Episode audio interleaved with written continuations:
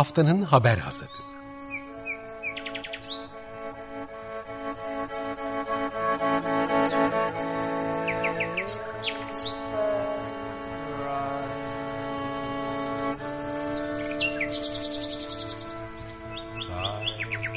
Haftanın öne çıkan iklim haberleri ve araştırmalarından okumalar ve yorumlar.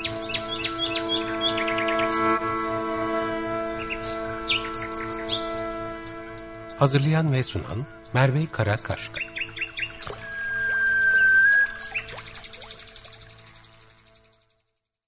Günaydın haftanın haber hasatına hoş geldiniz. Geçtiğimiz haftanın iklim haber ve araştırmalarından özel bir derleme sunan programımızda bu hafta manşette feda edilen bölgeler var. Feda edilen bölgeler geçtiğimiz hafta The New York Times'da yayımlanan bir haber hikayesinden bir alıntı. Şili'de yeni anayasa hazırlıkları ile ilgili bir haber bu. Aslında anayasa hazırlığı açık radyoda farklı yönleriyle farklı programlarda ele alınmıştı. Bu hafta e, biz iklim ve ekolojik kriz önceliğine bakacağız. The New York Times'ın hikayesi de tamamen bu yönüne ele alıyor. Haber şöyle başlıyor. Bir ülke nadiren bir ulus olarak ideallerini ortaya koyma ve kendisi için yeni bir anayasa yazma şansı bulur. İklim ve ekolojik kriz ise bu süreçte neredeyse hiçbir zaman merkezi bir rol oynamaz. Bu genelleme ise yeni bir anayasa hazırlığında olan Şili için geçerli değil. Sosyal ve çevresel sorunlar nedeniyle aylarca süren protestoların ardından Şili'de iklim ve ekolojik acil durum ilan edildi ve 155 kişilik bir konvansiyon yeni bir anayasa yazmak üzere seçildi. Onların çalışmaları sadece 19 milyonluk bu ülkenin nasıl yönetileceğini şekillendirmekle kalmayacak, An dağlarının yanındaki bu uçsuz bucaksız çölün altındaki tuzlu sularda gizlenen yumuşak, parlak bir metal olan lityumun geleceğini de belirleyecek. The New York Times'ın Şili'nin yeni anayasasını konu alan haber hikayesinde ülkenin nasıl yanıt vereceği merak konusu olan potansiyel çatışma konularından ilki lityum. Elektrikli cihaz ve otomobillerin bataryaları için kilit bir maden. Lityum üretimi açısından Şili dünyanın en büyük ikinci ülkesi konumunda. Şili, Latin Amerika'nın en zengin uluslarından biri haline getiren madencilik faaliyetlerinin yapıldığı bölgeler çevresel açıdan o kadar çok yıprandı ki bu bölgelere feda edilen bölgeler deniyor. Dünyadaki lityumun beşte birini tek başına SQM şirketi Şili'nin volkanik dağlarının kıyısındaki Atacama çölünde üretiyor. Eskiden bunun için yer altındaki tuzlu suyu çekip büyük havzalarda, havuzlarda topluyor. Dünyadaki en yüksek güneş ışıma oranlarına sahip Atakama'da güneş bu havuzlardaki suyu buharlaştırıyor ve tuzlu sudan lityum ayrıştırılıyor. Fakat bu tesisin hemen yakınında flamingoların da konaklama alanı olan lagünlerde yapılan araştırmalar, artan günlük sıcaklıklarıyla birlikte lityum madenciliğinin genişlemesinin tuz düzlüğünde toprak neminin azalmasına ve bölgenin kurumasına neden olduğunu bulmuş. Hükümet sayımlarına göre 1997'den beri Atakama'daki flamingo popülasyonunda hafif bir düşüş kaydedildi. Fakat Çili'nin genelinde bu düşüş teyit edilmiyor. Sadece bu bölgede gözleniyor. İklim değişikliğinin bu kırılgan bölgede kuraklığı artırdığı ve yağmurları daha da şiddetlendirildiğinden şüpheleniliyor. Bölgede mısır rekoltesinde düşüş yaşandığı da belirtiliyor. Şili'nin iklim krizini merkeze alan yeni anayasasıyla suyun, hatta belki daha önemlisi tuzlu suyun kime ait olduğunu, bunların nasıl tanımlanacağını belirlemesi, bu sorulara yanıt vermesi gerekiyor. Hikayede şu notla sona eriyor. Anayasasının karşı karşıya olduğu sorular yalnızca Şili'nin sorunu değil. Dünya artan sosyal eşitsizliklerin ortasında iklim değişikliği ve biyolojik çeşitlilik kaybıyla yüzleşirken aynı hesapla karşı karşıya. İklim düzeltmeleri arayışı insanlığın doğayla olan ilişkisini yeniden incelemeyi gerektiriyor mu? Şili Üniversitesi'nden iklim bilimcisi olan Maisa Rojas, 21. yüzyılın çok karmaşık sorunlarıyla yüzleşmek zorundayız diyor ve ekliyor. Kurumlarımız buna pek çok açıdan hazır değil. Bu yanıtı dünyanın her bölgesine uyarlayabileceğimizi ve bu soruları bir an önce gündeme alıp bunlara makul cevaplar vermek zorunda olduğumuzu hatırlatıp hasatın ilk bölümünün sonuna gelelim. Ee, Şili'ye uzandık. Şili'den bir parça dinleyelim. Şilili protest bir grup var. Ben bunu açık radyoda keşfetmiştim. Babil'den sonra programında Inti Illuminani e, Altruas isimli parçasıyla bizimle birlikte olacak. Ardından hasata devam edeceğiz. Açık Radyo'da Şilili protest grup Inti Ilimani'yi dinledik. Alturas isimli parçasıyla bizimle birliktelerdi. Şimdi Hasat'ın diğer haberlerine geçeceğiz. Hasat'ın diğer haberlerinde ilk sırada Brezilya var. Brezilya'da e, bahsettiğimiz soruları gündeme almış gibi görünen ama aslında tam yön, tersi yönde karar veren bir yasal düzenleme yapıldı. Bunun adı da adil enerji geçişi deniyor. Perşembe günü yayımlandı. Reuters'a göre en az 2040 yılına kadar ülkenin kömürü bir enerji kaynağı olarak kullanmaya ve sübvanse etmeye devam etmesini sağlayan bir yasa dan bahsediyoruz. Adı Adil Enerji Geçişi. Brezilya'nın güneyindeki Santa Catarina bölgesinde kömürle çalışan termik santrallere yönelik sübvansiyonların 2027'ye kadar kesilmesi ve 3 büyük santralin faaliyet izninin de 2025'te sona ermesi gerekiyor.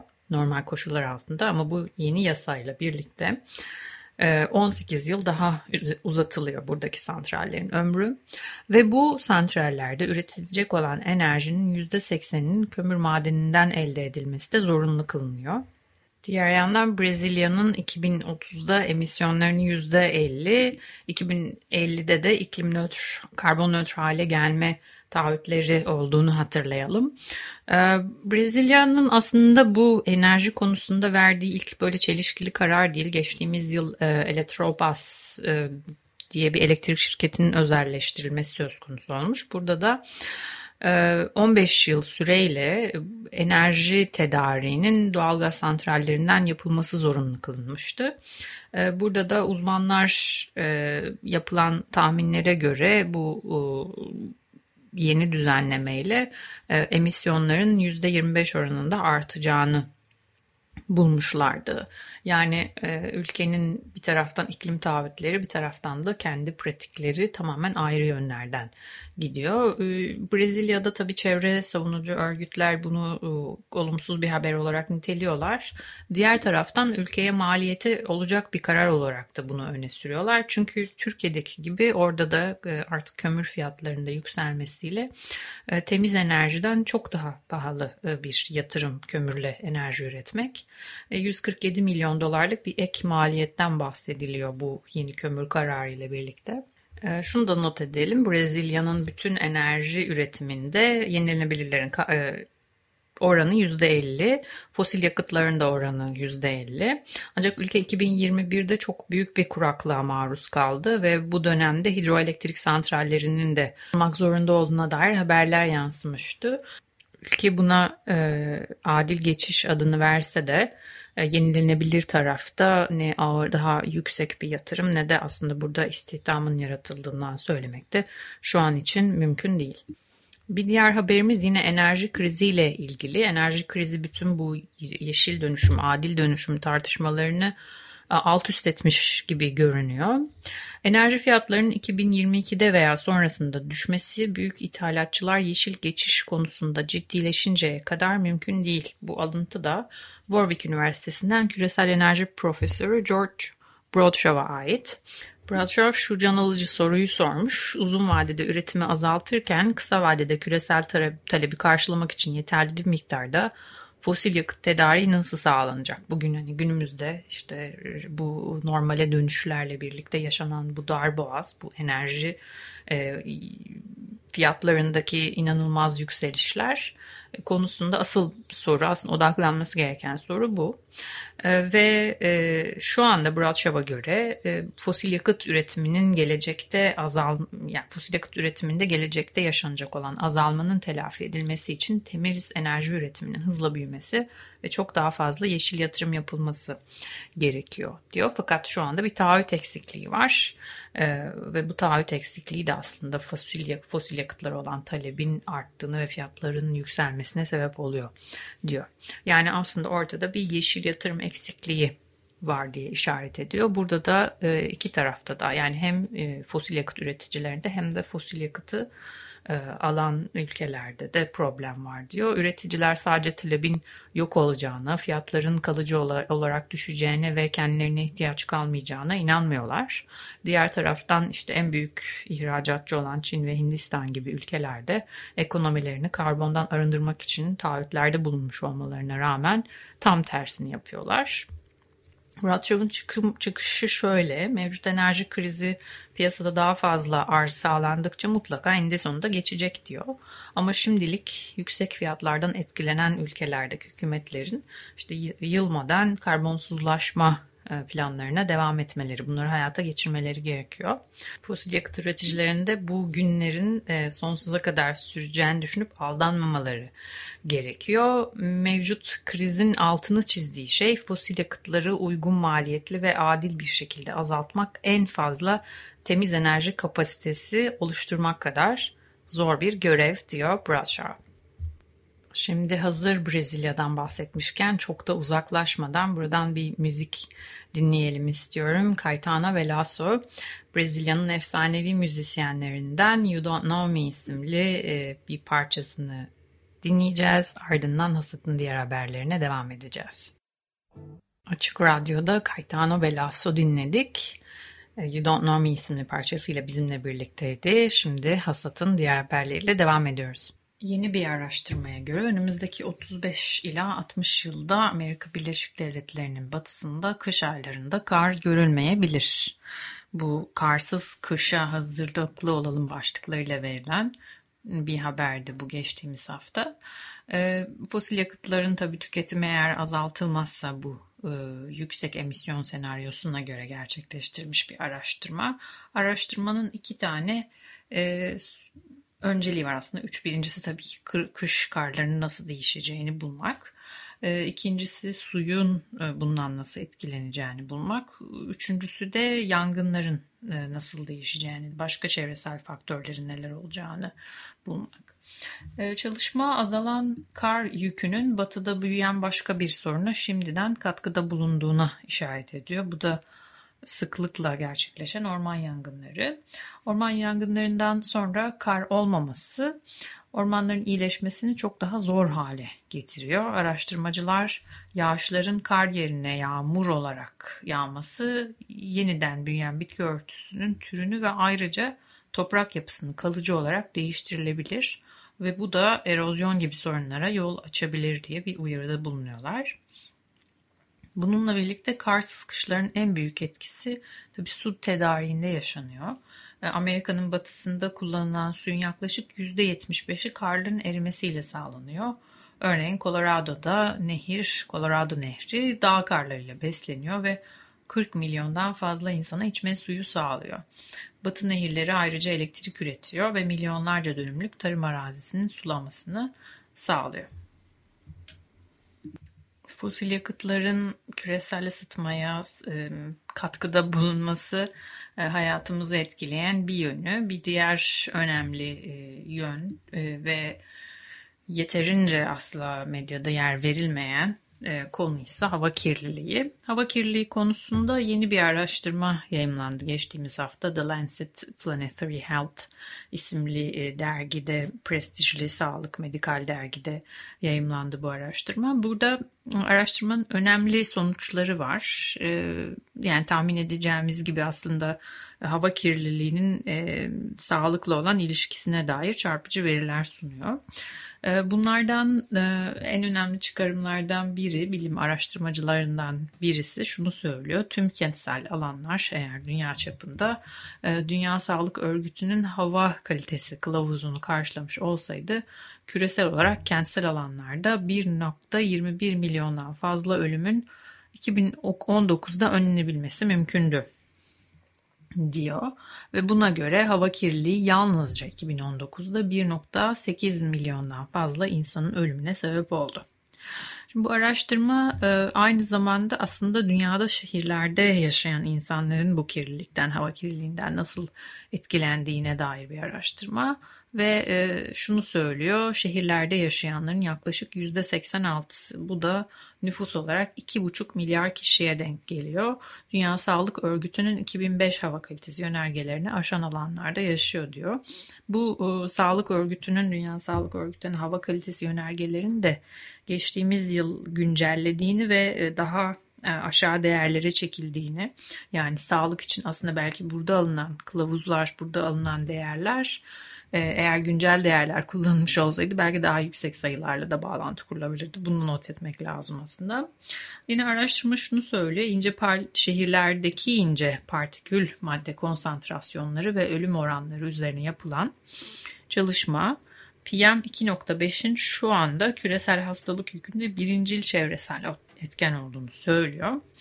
Ee, sağlıksız hava kalitesine uzun süre maruz kaldığımızda kardiyovasküler hastalıklar, solunum yolu hastalıkları, akciğer kanseri ve alt solunum yolu enfeksiyonları gibi çeşitli hastalıkların sebep olduğu erken ölümlerle de bağlantılar var. Şimdi bu iki haberi iki parça takip edecek. Bu hafta Latin Amerika ile başladık. Latin Amerika ile devam edelim. Bu da hem e, klasik Latin Amerika'nın güzel e, sedalarını, seslerini duymak için bir fırsat olsun. Önce 1979 yılından bir parça Mercedes Sosa gelecek. Como la Sigara diye bir parçası var, bir sigara gibi. E, bir onu da takiben e, Victor Hara'yı dinleyeceğiz. Manifesto isimli parçasıyla gelecek. Ardından Hasat'a kaldığımız yerden devam edeceğiz. Açık Radyo'da Latin Amerika'dan iki ses Mercedes Sosa, Como la Sigara ve ardından Victor Hara Manifiesto isimli şarkısıyla bizimle birlikteydi. Şimdi haftanın haber hasatında hasatın diğer haberleri bölümümüze devam ediyoruz. Ee, şimdi Türkiye'den ve Fransa'dan iki haberimiz var. Çevre, Şehircilik ve İklim Değişikliği Bakanlığı geçtiğimiz hafta atıkların toplanması ve tek kullanımlık plastiklerin azaltılmasına yönelik yeni bir yönetmelik yayınladı. Bu sıfır atık planı çerçevesinde onun hayata geçirilmesine dair önemli e, düzenlemeler içeriyor. E, burada tabii e, plastiklerin, tek kullanımlık plastiklerin, plastiklerle ilgili yeni bir düzenleme daha çok dikkat çekici olan taraf. Çünkü aciliyet arz eden bir konu. Burada getirilen düzenleme kafe ve restoranlarda tek kullanımlık plastik tabak, çatal, bıçak kullanımının tercih edilmemesini sağlamaya yönelik. Ee, plastik pipetler ve ıslak mendillerin ise yalnızca tüketiciler talep ettiği takdirde verilmesini artık öngörüyor. Yani e, bir yasak söz konusu değil. Greenpeace Türkiye konuyla ilgili açıklamasında plastik kirliliğine dikkat çekilmesi açısından önemli bulduklarını söylüyorlar kararı ama plastik kirliliğine karşı sonuç elde edilmesi açısından yetersiz bulduklarını söylüyorlar. Plastiklerin yasaklanmasına yönelik, tek tek kullanımlık plastiklerin yasaklanmasına yönelik de kampanyaları var. Bunu da imzalayabilirsiniz bu plastik kampanyasına destek olmak için. Ee, yönetmelikte dikkat çeken diğer bir konu da atıklar. Gıdaların e, gıda atıklarının kaynağında ayrılmasına yönelik adımlar görüyoruz. Bunlar e, toptancı halleri ve pazar yerlerini kapsıyor. Bu gıda atıklarının kaynağında ayrıştırılmasını sağlamak amacıyla biyobozunur atıklar için ayrı biriktirme, biriktirme ekipmanlarının yerleştirilmesi öngörülüyor bu yürütmelikte. Bununla birlikte site, apartman ve villa gibi müstakil konutlarda geri kazanılabilir atıklar için ayrı ekip bulundurması da zorunlu hale geliyor. E, düzenlemede şunu da görebiliyorsunuz. Her bir atık için e, sınıflandırılan e, farklı sınıflardaki atıklar için belirli renk kodları da getirilmiş toplamayla ilgili olarak bu renk kodlarına bakarak da şunu anlayabiliyoruz. İşte geri kazanılabilir atıklar, işte diğer atıklar, biyobozunurlar, cam atıklar, plastik atıklar, metal atıklar, kağıt atıklar, kompozit atıklar gibi e, ki e, bitkisel atık yağlar da işte atık ilaçlar falan hepsinin böyle ayrı kodlarla e, ayrıştırılacağını onu görebiliyoruz şu an. Son bir düzenleme de Fransa'dan geldi. Fransa otomotiv reklamlarına yeşil uyarılar ekleyeceği haberiyle dikkat çekti geçtiğimiz hafta. E, Mart ayından itibaren yürürlüğe girmesi planlanıyor. Bu düzenleme ile birlikte otomobil reklamlarında seyircileri araç paylaşımına yöneltmek, yürümek, bisiklete ya da toplu taşımaya binmek gibi e, çevre dostu ulaşım seçeneklerine yönlendirilecek ibareler yer alacak. İşte üç seçenek yer alıyor. Eğer yapabiliyorsanız yakın bir mesafe gidiyorsanız bisiklet kullanın ya da yürüyüş yapın. E, ya da işte hani ikinci bir seçenek olarak araba kullan, e, araba paylaşım, araç paylaşımına yönelin. E, üçüncü seçenek olarak da toplu taşıma kullanabilirsiniz gibi mesaj verilmesi gerekiyor. Bu mesajları da e, yer değiştir ve daha az kirlet, se déplacer moins polluer e, diye bir, bir, bir mesajı var. Onu o takip ediyor. E, bir slogan eşlik ediyor daha doğrusu. Bunlar zorunluluk haline geliyor. Uymayanlara da 56 bin dolara kadar cezalar uygulanabilecek. Fransa Haberi Hasıt'ın son haberiydi. Söz bitmeden bölümümüzde yeni müzikli bir proje var. Arka Kinari adını taşıyor. Bu bir gemi. Gündüz yerel müzisyen, gündüz yerel müzisyenlerin atölyelerine, beceri paylaşımlarına ve küçük konserlerine ev yapması için tasarlanmış, ev sahipliği yapması için tasarlanmış. Geceleri ise gemi iklim değişikliğine dikkat çekmek için müziği ve karbon ekonomisinden sonraki yaşamı hayal etmek için sinematik görseller kullanarak Filastin ve Nova'nın performansı için bir sahneye dönüşüyor. Gücünü güneşten alan ve halka açık kıyılarda paylaşılan bir gezi prodüksiyonu olan Arka Kinari hem mesaj hem de yöntem. Arka Kinari'nin tanıtımında şu metin yer alıyor. Denizcilik ağı insanları, dilleri ve fikirleri buluşturan orijinal internetti. Arka Kinari kaybolan ticaret yollarını insanların kıyılarına geri götüren kargo olarak kültürle yeniden canlandırıyor. Arka Kinari pandemi sırasında aylarca Pasifik Okyanusu'nda mahsur kalmadan önce Atlantik, Karayipler ve Panama kanalını geçerek 23 ülkede durdu. Nihayet Eylül 20, 2020'de Endonezya'nın ana sularına girdi ve şimdi takım adaların baharat rotalarını geziyor. Yüzen bir kültürel platform olarak Arka Kinari 2019 yılında hayata geçmeye başlamış. O zaman tamamen e, pas kovası diye niteliyorlar bu e, müzisyenler, bu performansı e, gerçeğe dönüştüren Flastin ve Nova müzisyenlerin isimleri.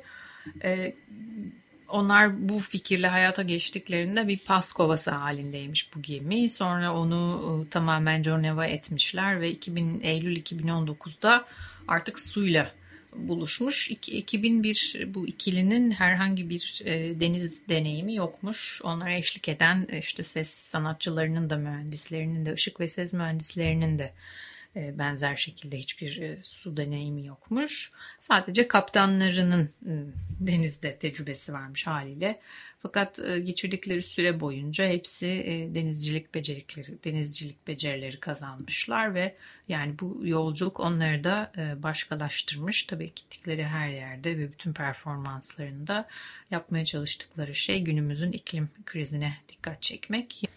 Programımızın sonunda da Plastin ve Nova ile bitirelim. Öncelikle e, Drapetomania ismini verdikleri e, bir canlı performanslarını dinleyeceğiz. Ardından da yine arka kinaride e, bir performans daha bir takip edecek. Work in Progress Performance adını veriyorlar. Onu dinleyeceğiz. E, önümüzdeki hafta yeniden görüşmek üzere. Hoşçakalın.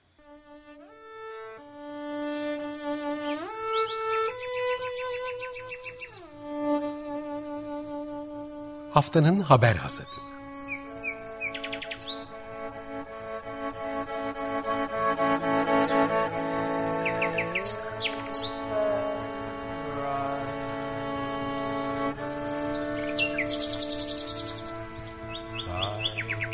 Haftanın öne çıkan iklim haberleri ve araştırmalarından okumalar ve yorumlar.